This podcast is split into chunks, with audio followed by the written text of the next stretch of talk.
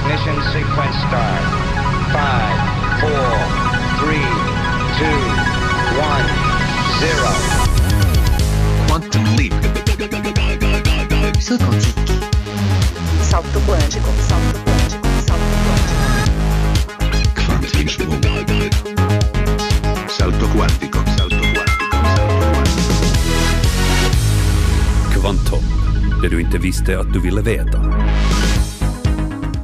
Morgens, morgens gott folk. Det är kvanthopp-dags igen här i Radio Vega. Och vi ska börja med ett brev som jag har fått av en lyssnare. Ett hederligt gammalt pappersbrev via snigelposten. Ni får gärna skicka sådana hit åt mig. Eh, min adress är då Markus Rosenlund, postbox 46 00024 Rundradion. Det är alltså Alf Åkerlund från Larsmo som har skickat brevet. Tack ska du ha så mycket för det här. Eh, brevet innehåller alltså en tidning, Teknik för alla, från 1949, eh, marsnumret 1949 närmare bestämt. Pris eh, 50 öre på den tiden. Jag ska börja hela sändningen med en artikel från den tidningen. Den artikeln heter Första telefonen.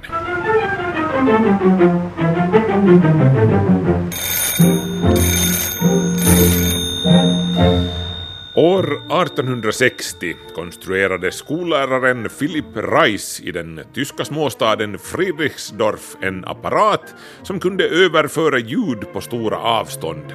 Han visste inte ett bättre sätt än att efterapa naturen. Därför snidade han ett grovt människoöra av ek som han försåg med en trumhinna klippt ur en svinblåsa. På hinnan klistrade han fast en platinatråd som skulle föreställa den så kallade hammaren. Vid hinnans vibrationer kom platinatråden i beröring med en metallfjäder fäst på örats baksida. Detta var alltså mikrofonen. Mottagaren bestod av en strumpsticka i en metalltrådrulle placerad på en violin. Den hade till uppgift att med sin resonanslåda förstärka ljudet. Ett par trådar var spända mellan mikrofonen, mottagaren och ett elektriskt batteri.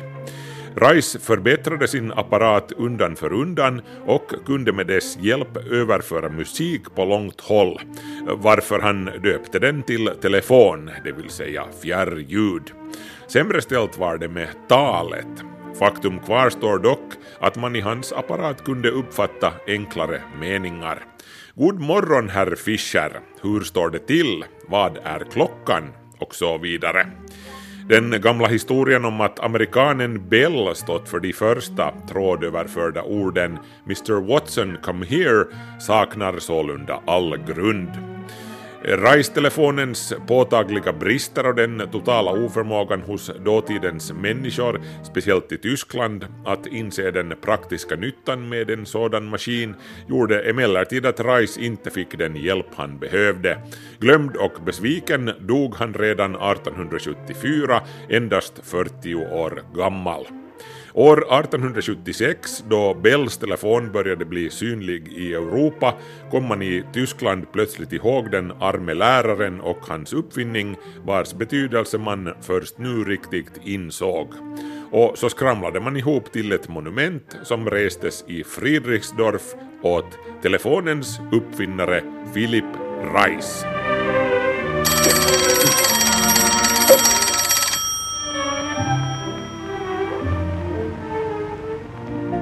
Det är lustigt förresten, hur länge det än har gått sedan man senast hade en telefon med en sån där mekanisk ringklocka så letar man ändå instinktivt efter en telefonlur att lyfta när man hör det där ljudet.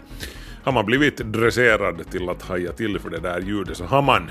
Hur som helst så anses det allmänt numera att det var italiensk-amerikanen Antonio Meucci som var den som uppfann telefonen först av alla, eller ljudtelegrafen som han kallade den. Men Alexander Graham Bell han före med att ta patent på sin telefon. Men jo, det om det. Idag ska Kvanthopp handla bland annat om följande. Oj nej, någon tappade en flaska liljekonvaljs parfym. Hon där borta, hon minns plötsligt sin morfar som gav henne just en flaska liljekonvaljsparfym när hon var fem år gammal. Han, där borta, han får plötsligt lite obehag för han tappar bort sig i skogen som barn på ett ställe där det växte massor med liljekonvaljer. Och barnet där borta kommer för alltid att koppla liljekonvaljsdoft just till den här situationen. Hör mer om vårt spännande luktsinne och forskningen kring det senare i det här programmet. Och så ska vi kolla in ett nytt sätt att hantera sopor som de har tagit i bruk i Paris där de ju av förståeliga skäl är lite rädda för terrorism just nu. Eh, någon kan ju lämna en bomb i soporna, vet jag. Därför har man byggt ett system där soppåsarna sugs bort från fastigheten genom ett underjordiskt rör. Hon slänger ner sin påse som genast sugs ner i en fart på uppåt en 60 kilometer i timmen. Nere i underjorden öppnas en ventil och påsarna åker sedan i ett underjordiskt rörsystem iväg till en uppsamlingsterminal där de trycks ihop.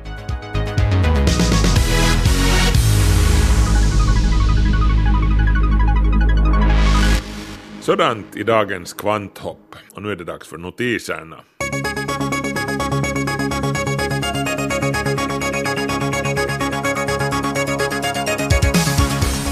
Känner du att ett karriärbyte skulle vara på sin plats just nu? Råkar du ha ett amerikanskt pass i fickan? Eh, bra, för NASA tar nämligen just nu emot ansökningar till sin astronaututbildning vid Lyndon B. Johnson Space Center.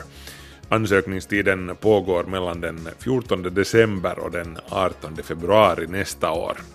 Den som ansöker ska naturligtvis ha en perfekt syn och hälsa och inte vara för lång eller för kort så att du ryms i en rymddräkt av standardstorlek. Minimum 1000 timmars erfarenhet som pilot är också ett krav för den blivande astronauten. Eh, dessutom måste du ha en ingenjörsexamen eller kandidatexamen inom någon av naturvetenskaperna eller programmering eller matematik från ett NASA-godkänt universitet förstås. Stenhård fysisk kondition är också såklart ett krav och har du ens tänkt på att ta droger någon gång eller fått en parkeringsbot så kan du antagligen glömma hela saken. Utbildningen tar två år och för dem som klarar den, vilket inte alls är en självklarhet, väntar en årslön på upp till 144 000 dollar och en chans att vara med om att testa och utveckla NASAs kommande Space Launch System-raket och Orion-kapsel. Sa jag förresten redan att det står här i yrkesbeskrivningen att arbetet innefattar frekventa resor?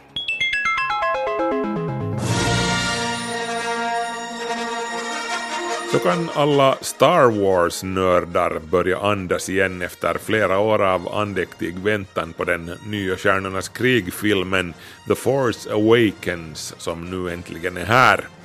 De ursprungliga Stjärnornas krig-filmerna från 70 och 80-talen gjorde ju oss bekanta med robotarna R2D2 och C3PO Oh, we'll be wandering this desert forever. De blev ju minst lika stora stjärnor som de mänskliga rollfigurerna. Den nya filmen, den sjunde Star Wars-filmen i ordningen, har naturligtvis också en robotstjärna som lystrar till namnet BB-8, eller BB-8 som det skrivs. Den känns igen av sitt speciella utseende. Den är i princip en rullande boll med ett litet platt huvud ovanpå som på något vis balanserar till synes fritt där uppe överst på bollen. Och det spännande med den här konstruktionen är att den inte är ett filmtrick, den existerar på riktigt. Och exakt hur huvudet hålls kvar där uppe på den rullande bollen är det ingen som vet precis, bara att Disney som äger rättigheterna till Star Wars har tagit patent på tekniken. Sfäriska robotar är i och för sig ingenting nytt, man har forskat i dem i åratal och det har funnits prototyper som visserligen aldrig har kommit desto längre. Men robotbollarna verkar ha fått ny vind i seglen så att säga. Till exempel så har svenska Ångström-laboratoriet ett projekt på gång som förhoppningsvis med tiden kommer att utmynna i en sfärisk marslandare. De runda robotarna har flera fördelar jämfört med traditionella modeller, säger Greger Tornell som är föreståndare för Ångström Space Technology Center i en intervju för Ny Teknik. De är robusta, de klarar terräng bättre och man behöver inte köra dem lika försiktigt som de bilformade robotarna, säger Tornell. Ja, och så ser de ju ganska sympatiska ut också. I söndags delade jag en notis på Facebook från den lilla lokaltidningen Roanoke Chowan News Herald i den amerikanska mellanvästern det var en så absurd grej att jag måste kolla, dubbelkolla och trippelkolla att det inte var fråga om nyhetssatir alla The Onion. Men tydligen stämmer det här. Alla de stora internationella nyhetssajterna rapporterar nu samma sak. Eh, Nyheten går alltså ut på att småstaden Woodland i North Carolina, USA, häromdagen röstade ner planerna på ett nytt solkraftsprojekt av minst sagt intressanta skäl. Eh, inte bara det att man ansåg att solpanelerna skrämmer barn, utan kommunens fäder menar tydligen på allvar att solpanelerna suger i sig solljuset så effektivt att det inte blir tillräckligt ljus kvar åt växterna på åkrarna i området som därmed får svårt med fotosyntesen. Ehm, den pensionerade läraren Jane Mann, lärare i naturvetenskaper dessutom, är också övertygad om att solkraft orsakar cancer. Eh, det här är inte första gången som en stad har sagt nej till solkraft, men Oftast har argumenten varit i stil med att panelerna är fula. Det här med att de suger i sig allt solljus, nå, hmm, det var nytt för mig i alla fall. Förresten, nu när jag tänker på saken, jag bor själv helt nära Bemböle i Esbo och det finns inga solpaneler där.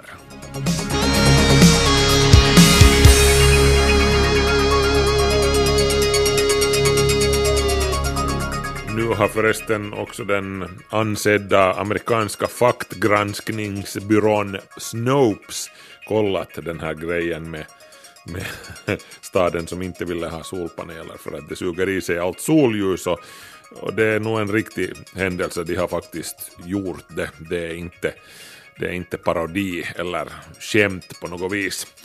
No, jo, men nu ska det handla om ett nytt sophanteringssystem som de har tagit i bruk i Paris. Det är ett svenskt miljöföretag som kan den här konsten att göra rent hus i offentliga utemiljöer.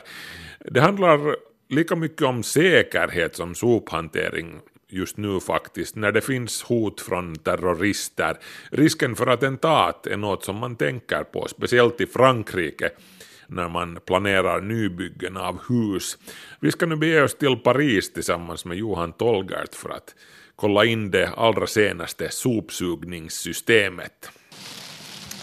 Euh, bah, du coup, je vais jeter mes, mes poubelles dans les bornes. Alors, euh, du coup, euh, dans la, les ordures ménagères dans la borne grise, du coup. Ok. Lucie Deby öppnar den grå luckan till sopnedkastet. Det är placerat mitt på torget i kvarteret Le Fort, fortet, som ligger i förorten Issy-les-Moulineaux strax utanför Paris. Voilà. Sinon, bah, les cartons dans la borne euh, jaune. Ah, du coup. Hon slänger ner sin påse som genast sugs ner i en fart på uppåt en 60 kilometer i timmen. Nere i underjorden öppnas en ventil och påsarna åker sedan i ett underjordiskt rörsystem iväg till en uppsamlingsterminal där de trycks ihop. Sugeffekten kommer av att fläktar i terminalen ger ett undertryck i rörsystemet som påsarna transporteras i. Lucie stänger luckan och öppnar den gula luckan eftersom hon har lite kartong med sig och som hon ska slänga. Les, voilà, faut juste les découper quand ils sont trop gros, mais Ah oui. euh, voilà. Det underjordiska sopsugsystemet används gemensamt för all slags avfall. Matavfall, tidningar och papper, plastförpackningar och restavfall. Det finns en tredje lucka också. Den är till för butiksägarna. Men här behövs en nyckel för att öppna den. Et ça, c'est quoi Ça, c'est pour les commerçants. Une- Là, faut la clé, là. Ouais, ils ont une clé euh, particulière, ouais. Lucie, som är sekreterare, tycker det är väldigt praktiskt med sopsystemet. Vi slipper oljudet från sopbilarna, säger hon. Det blir mindre föroreningar och det blir aldrig någon dålig lukt av soporna här. Oui, très pratique parce que du coup, on n'a pas le bruit des camions euh, le matin qui viennent, euh, etc. Et c'est juste une habitude à prendre de venir régulièrement descendre ses poubelles. Jag påpekar att man i Paris inte längre har soptunnor på boulevarderna som är gjorda av metall. Efter vågen av attentat utförda av terrorister under 1990-talet blev myndigheterna rädda för att man skulle kunna spränga soptunnor av metall och skada folk illa. På grund av terrorrisken består idag alla Paris soptunnor av genomskinliga plastpåsar. Mm. descend. Vous avez pensé aussi au risque d'attentat, évidemment. euh, à Paris, on a toujours, euh, depuis quelques années, on a ces sacs euh, plastiques. Mais on ne sait jamais euh, qu'est-ce qu'il y a dedans, quoi, parce que c'est caché. On est tranquille. Puis en plus, on voit pas les. Enfin, Lucie Deby nickar. Hon har tänkt på det där hon säger att det känns säkrare med det moderna sopsystemet som finns här i fortet. För skulle något explodera sker det ju långt under jorden, säger hon. Voilà, ouais, pour la sécurité aussi, du coup, c'est mieux, ouais. Det är svenska företaget Envac som sålt sopsystemet i Issy-les-Moulineaux. Sophanteringen är ett exempel på lyckad svensk miljöteknikexport. Varje år får företaget och den parisiska förorten över tusen besök av politiker och byggherrar som är intresserade av sopsugningssystemet. Envac har nu försäljningskontor i ett 20-tal länder. Kanske har man på det svenska företaget inte tänkt på riskerna för attentat. I vilket fall så anses det svenska sopsystemet vara säkert mot bomber. Det förklarar Anne Nguyek Kak, ingenjör anställd av kommunen ici les En ce qui Moulineaux. concerne euh, notamment, euh, par exemple, euh, une bombe, si vous pensez à ça pour les attentats, euh, les risques en fait existent, mais comme il- tout tombe en souterrain, euh, les dégâts euh, sont plus limités que... euh, Skulle någon slänga i en bomb i sopnedkastet så skulle själva explosionen ske under jorden och dessutom har den hunnit färdas en bit från själva nedkastet i snabb fart, förklarar hon. Skadorna skulle inte bli farliga som i en soptunna som placerats på en boulevard. Risken för attentat i Frankrike är stor sedan flera decennier tillbaka och säkerheten kring det diskuteras alltid vid nybyggen, säger han. Oui, on y a pensé puisque c'est des questions qui nous ont été euh, posées. Euh, ce n'est quand même pas la première motivation. Givetvis har säkerhetsfrågan debatterats extra noga sedan de fruktansvärda händelserna i Paris den 13 november. Men det var inte bara risken för attentat som fick myndigheterna i Issy-les-Moulineaux att ta beslutet att installera sopsystemet, utan risken för brand i sopkärl av plast var också en avgörande orsak. Det blir ofta brand i hyreshusens sopkärl, säger han och jag nickar instämmande. euh, effectivement mis dans les plus le fait que par rapport euh, à une poubelle, ça limitait euh, non seulement les explosions mais également les d'incendie parce qu'il faut savoir que les poubelles ont les incendies facilement. På ett ställe där jag bodde i Paris blev det brand bland soporna sent en kväll. Vi bodde på femte våningen i ett gammalt hyreshus som inte hade någon extra nödutgång. När brandkåren kom så fick jag ta vår då lille ett år gamle pojke i armarna och gå ut på brandstegen. Resten av familjen kom efter. Det var dramatiska ögonblick innan brandmännen kunde släcka branden som hindrade oss från att komma ut. Givetvis fanns det ännu fler argument som övertygade beslutsfattarna också, som till exempel mindre föroreningar och hygien. Ça, ça terminera le fort définitivement. Tillsammans med Anne Nguyen Kak går vi runt i kvarteret Fortet som omges av en gammal ringmur. Innanför den har nya tjusiga hyreshus byggts. Det ligger på en kulle och här finns en vacker utsikt över bland annat Eiffeltornet. Kvarteret invigdes år 2013. På ett par balkonger hänger den franska flaggan. Det är president Hollande som uppmanat invånarna att hänga ut den efter dödsskjutningarna i Paris den 13 november. En gång om dagen måste dock en sopbil komma in innanför fortets murar. Den samlar upp glas som läggs i traditionella soptunnor på gatan. Un verger euh, libre service. Redan på 1960-talet började man på svenska NVAC att jobba med miljö och sopor. Idén till sopsystemet tog man från början som en utveckling av sin dåvarande centraldammsugare. Kunde man suga damm så borde man kunna suga sopor. Och så blev det. Genom ett underjordiskt rörsystem sugs soppåsar vidare med hjälp av vakuum till stora containrar. En funktion likt en jättelik dammsugare. Om det svenska företagets sugsystem installeras när ett bostadsområde byggs blir det billigare för byggherrarna. Men det är enligt uppgifter i fransk media ändå dyrt att installera det. Trots allt har flera kommuner i Frankrike valt denna typen av sophantering. Frågan om miljö och säkerhet är mycket utbredd i landet. Utanför varje hyreshus så ser jag att det finns soptunnor. Des poubelles qui euh, sont à 50 mètres de chaque sortie d'immeuble. C'est euh, la distance maximale qu'on doit respecter pour que les gens euh, viennent déposer leurs déchets. Et là-bas aussi. Oui, vous voyez là, il y a, ces poubelles-là sont dédiées. Jag går ner med vår soptunna varje dag, berättar Solène Farias som drar en barnvagn med en liten nyfödd unge. Solène som arbetar på Försäkringskassan tycker systemet fungerar bra för det mesta. För gissa min stora förvåning när alla sopnedkasten inte fungerade häromdagen. Oui, toutes les poubelles ont été coincées. C'est, je pense, il y a deux mois de ça, un problème justement avec... euh, Det var för två månader sedan. Jag vet inte exakt vad som hade hänt, säger hon. Men under ett par dagar var vi tvungna att slänga sopor i containers som växte och blev allt fler.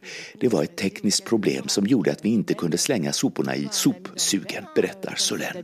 mais c'est vrai que du coup, il y avait vraiment beaucoup, beaucoup de bennes euh, et beaucoup de poubelles.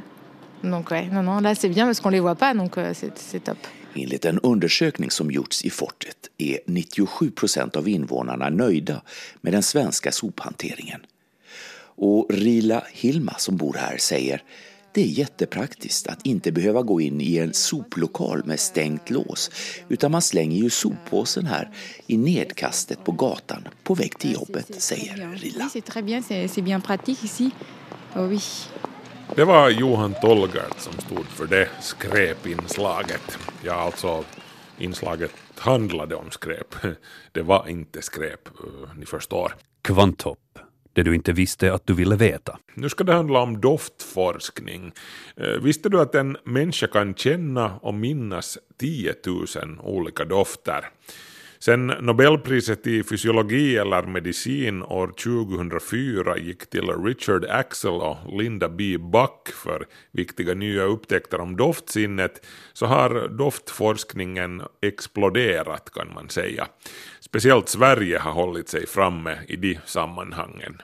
Det säger Maria Larsson som är professor i psykologi vid Stockholms universitet och en av de ansvariga för ett omfattande forskningsprojekt om dofter som nu drar igång i Sverige. Luktsinnet det är viktigare för vår livskvalitet än vad vi många gånger anar, menar Maria Larsson. när vi pratar om smakupplevelser, när vi pratar om hur maten smakar eller hur en kaka smakar eller kaffet smakar, så är det till största delen, även om vi säger smak, men så är den upplevelsen till största delen faktiskt en luktupplevelse. Så det innebär om man har förlorat den här förmågan att uppfatta eh, doft så kan man inte urskilja mer än det tungans smaklökar har att ge oss. Och det är ju de här fem grunddimensionerna, alltså sött, salt, surt, beskt och umami. Och allt det som finns däremellan, och det är förstås väldigt mycket, det är sånt som luktnerven och luktsinnet plockar upp. Så därför ser vi ju då att när man blir luktblind eller får en väldigt försämrad luktfunktion, då kommer också per automatik den här eh, aptitregleringen eller lusten att äta att förändras väldigt dramatiskt. Dofter sätter alltså färg på maten och livet. Samtidigt är luktsinne ett riktigt basverktyg, någonting som har behövts för artens överlevnad. Luktsinnets kanske primära funktion eller viktigaste roll i våra liv det är ju att agera varningssystem. Alltså att man reagerar på någon förändring i den omgivande miljön. Det luktar bränt eller den här maten som jag har i munnen den, den smakar lite surt eller skämt eller så. Det är också en, en del av luktsinnets roll då att, att på något vis varna oss då för för förändringar som kan vara potentiellt farliga för oss. Och den typen av, av reaktion, den eh, behöver vi ju liksom inget språk till för att reagera på. Så det är ju en evolutionär förklaring då kan man säga att, att eh, det här systemet har liksom inte växt ihop på samma sätt som vårt synsinne till exempel har gjort med språkliga områden i hjärnan. Ja, till skillnad från flera andra sinnen som har koppling till området för språk i hjärnan så har luktsinne inte det, säger Maria Larsson. Det kanske många inte har funderat särskilt mycket på men det är faktiskt så att när vi möter dofter eh, utan ett kontext eller sammanhang, alltså när vi bara får doften så har vi väldigt svårt att identifiera den och beskriva den eh, med ord. Och det här gäller ju då även för väldigt vanligt förekommande dofter som kaffe eller choklad eller vanilj eller körsbär. Ofta så är det så att vi, vi drabbas av en känsla över att vi tycker att det är familjärt eller vi tycker att ja men det här luktar gott eller det här luktar illa. Men att liksom hitta fram till själva ordet är, är en ganska svår och långsam process. Maria Larsson, professor i psykologi vid Stockholms universitet, har forskat i dofter sedan tidigt 90-tal. En spännande tidig insikt hon fick var då forskarna tittade på självbiografiska minnen i anknytning till dofter och märkte att dofter mer än några andra sinnesintryck kopplar till barndomen.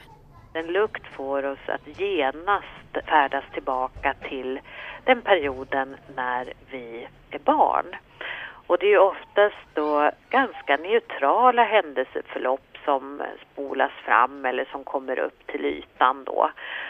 Och eh, det kan handla om att man har en hågkomst, ett minne av att man kärade en båt med sin morfar eller att man åt en bulle som farmor serverade med ett glas mjölk.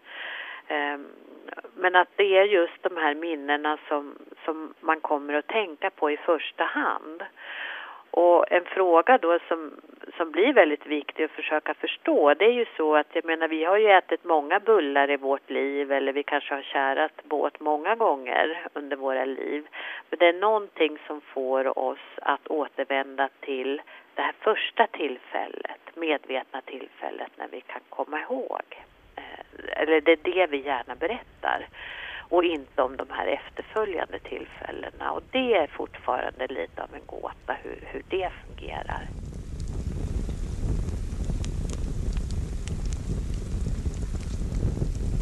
Överlag har alla människor en rätt likadan förmåga att känna primära dofter, sådär som brandrök eller lukten av illafaren mat. Men då det kommer till att identifiera och särskilja många dofter så finns det skillnader mellan människor. Det här märks till exempel då man undersöker äldre människor, som i det här forskningsprojektet, som har levt med att känna igen dofter ett helt liv.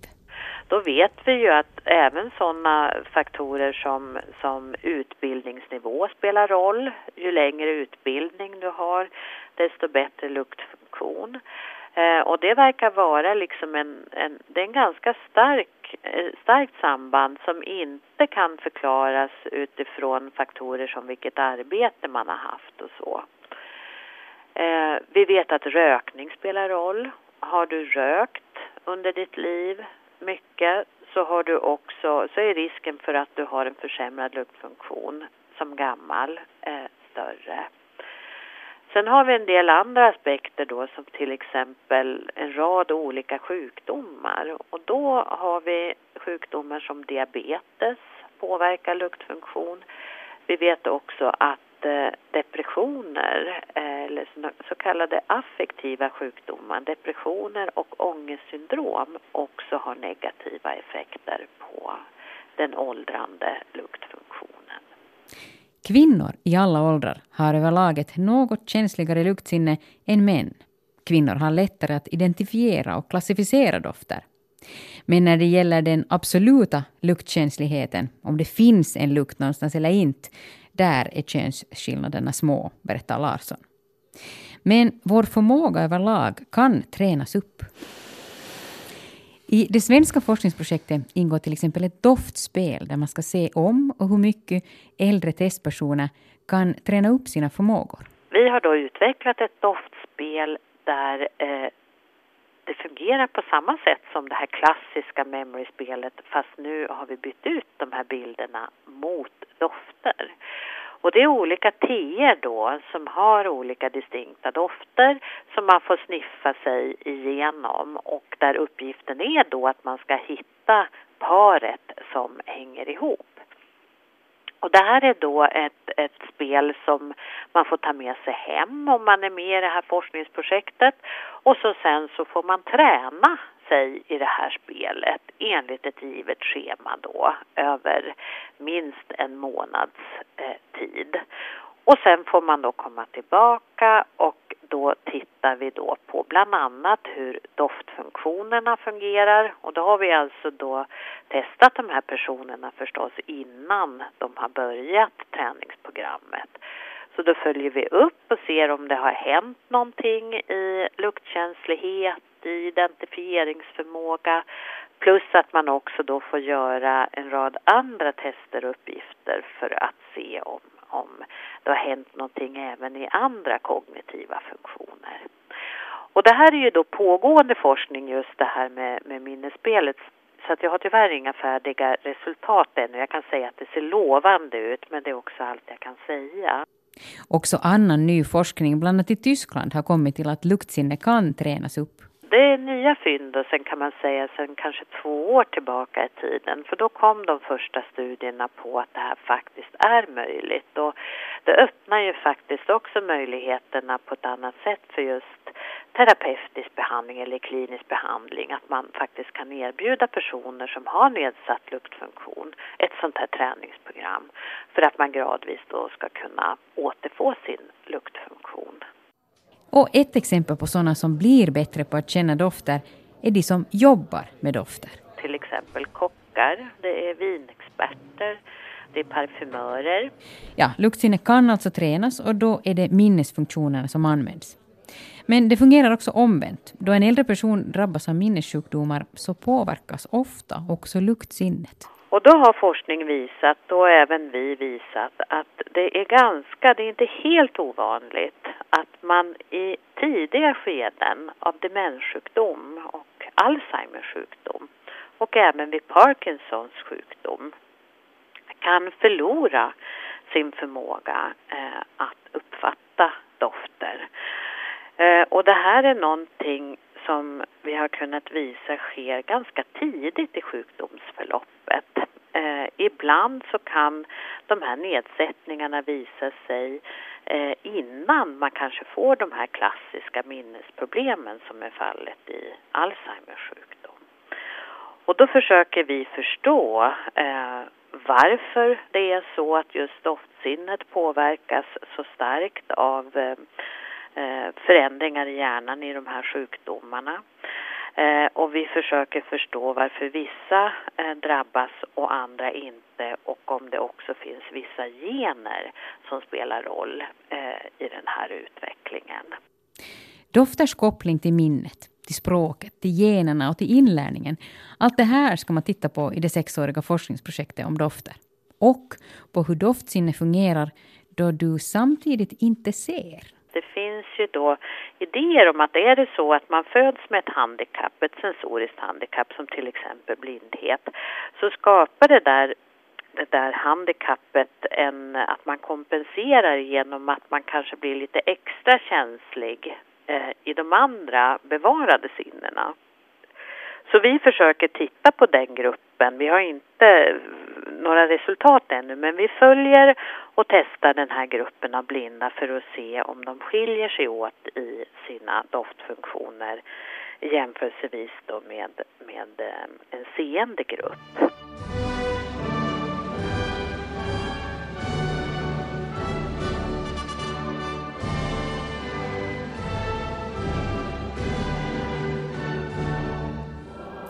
Doftforskningen kom igång på allvar på 2000-talet efter att Nobelpriset i fysiologi eller medicin år 2004 gick till Richard Axel och Linda B. Buck för viktiga upptäckter om luktsinne som de gjorde under 90-talet. Axel och Buck klargjorde hur luktsinne fungerar. De upptäckte en genfamilj av cirka tusen olika gener som ger upphov till tusen olika luktreceptorer. Receptorerna sitter på luktreceptorcellerna på nässlemhinnan där de kan känna de doftmolekyler som vi andas in. Och det är i spåren av den Nobelprisbelönade forskningen som svenska, europeiska och amerikanska forskare har fortsatt de senaste åren. Det nu aktuella svenska sexåriga forskningsprojektet som drog igång i år kommer förhoppningsvis att kunna bidra med mycket ny kunskap om vårt luktsinne.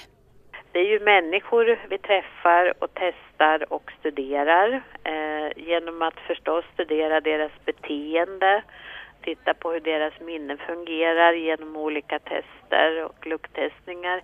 Men vi använder oss ju också av, av olika hjärnavbildningstekniker så vi kan ju titta in i hjärnan hur den reagerar på eh, på vissa dofter eller vissa doftfunktioner.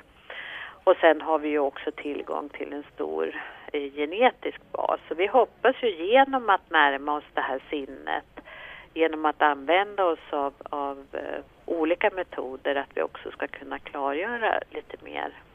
Eller jag vet att vi kommer att kunna klargöra lite mer kring hur, hur det här sinnet är uppbyggt och fungerar. Det var Ulrika Fagerström som hade intervjuat Maria Larsson som alltså är professor i psykologi vid Stockholms universitet. Kvanthopp snabela yle.fi och så var det dags för inslagsserien som i två och ett halvt års tid har avslutat så gott som varje kvanthopp. Universums innehållsförteckning eller det periodiska systemet i tre minuters munsbitar så kallar jag den här serien. Bara två avsnitt återstår nu, inklusive det som ni alldeles strax ska få höra. Är det någon som vill ha en fortsättning på den serien så kvicka på och tillverka till exempel grundämne 119 eller 120 så att jag har någonting att berätta om. Ni har tid fram till nästa vecka. Kvanthopp presenterar en serie i 117 delar. Det som allt bygger på eller våra grundämnen från BT till Unuoctium.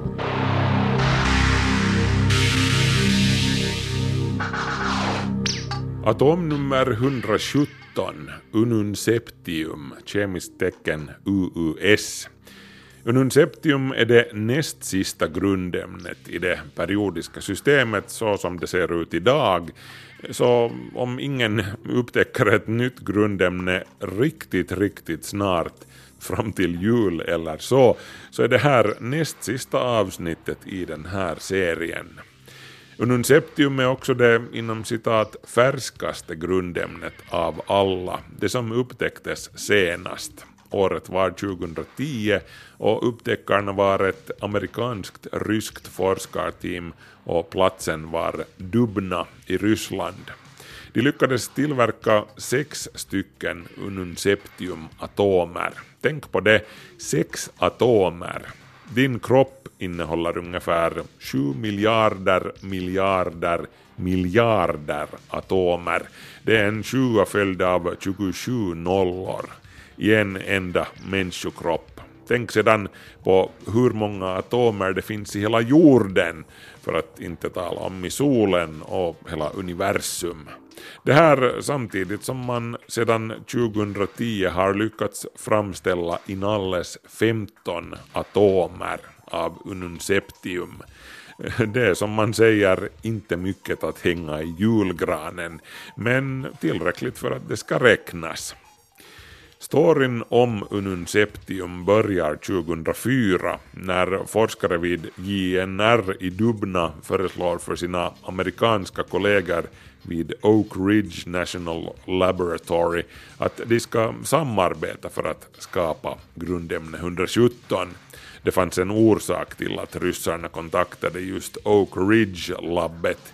De var de enda i hela världen som var kapabla att tillverka berkelium, grundämne 97, som ryssarna ville bombardera med kalcium, grundämne 20, för att åstadkomma grundämne 117. 97 plus 20 är lika med 117. Eh, ni förstår logiken. Dessvärre låg amerikanernas berkeliumproduktion nere just då och den kom inte igång förrän 2008 men så småningom producerade man den nödvändiga mängden berkelium, i det här fallet 22 milligram. Det var bråttom med att komma igång med experimentet. Berkelium 249 har en halveringstid på 330 dagar, så på lite mindre än ett år skulle hälften av allt berkelium vara borta. Så man packade in berkeliumet i fem stycken blykapslar och sände det till Moskva ombord på ett ordinarie ruttflygplan. Men hur det nu kom sig så var den ryska tullen inte nöjd med dokumenten som följde med berkeliumet så det skickades tillbaka till USA.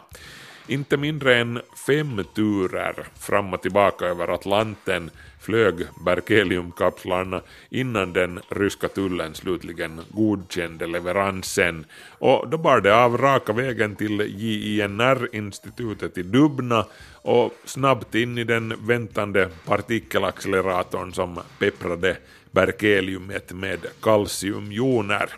Och som lön för all denna möda fick forskarna som sagt sex stycken ununseptiumatomer och också de var snart borta. De hade en halveringstid på omkring 40 millisekunder. Det är naturligtvis omöjligt att uttala sig i alltför säkra ordalag om Ununceptiums kemiska egenskaper. Ingen har kommit åt att studera det desto mera, men Ununceptium hör till grupp 17 i det periodiska systemet, halogenerna, tillsammans med fluor, klor, brom, jod och astat. Så man antar att Ununceptium åtminstone delvis skulle påminna om dem till sin natur. Något riktigt och slutgiltigt namn för Ununceptium finns ännu inte ens på bordet. Eh, Ununceptium är alltså bara ett arbetsnamn tills man kommer på någonting bättre och får det godkänt av internationella kemistunionen IUPAC.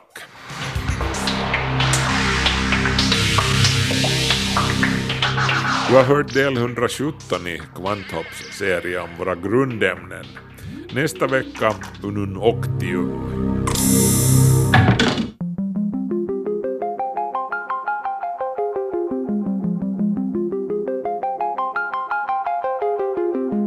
Kvanthopp, det du inte visste att du ville veta. Kära vänner, tack igen en gång för visat intresse. Dags att avrunda Kvanthopp för den här gången. Eh, nästa gång vi hörs, det vill säga nästa torsdag, då är det julafton och då bjuder vi på sista avsnittet av grundämnesserien och diverse annat smått och gott i väntan på tomten.